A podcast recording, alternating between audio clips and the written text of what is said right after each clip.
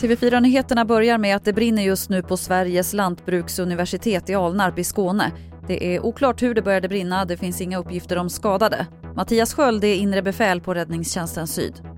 Det är en äh, äldre träbyggnad som är helt övertänd som håller på att brinna ner. Så det, det är stor risk för spridning. Det har ju varit mycket bränder eh, nere i, i Lund den senaste tiden. Kan det här ha något med det att göra tror ni? Nej, nu får vi hantera denna branden så får vi titta på sammanhanget i efterhand. Sju veckor efter att Spaniens första coronavåg börjat ge sig så stiger nu antalet bekräftat smittade kraftigt igen. De senaste sju dagarna har i genomsnitt nästan 5 000 nya fall registrerats varje dag och det beräknas finnas omkring 500 utbrottskluster i Spanien. Till sist kan vi berätta att det var rekordmånga tåg som var i tid i juli och för första gången nåddes målet att 95% av persontågen ska vara i tid. Det här rapporterar SR. Men samtidigt var också antalet tåg färre än vanligt på grund av coronapandemin.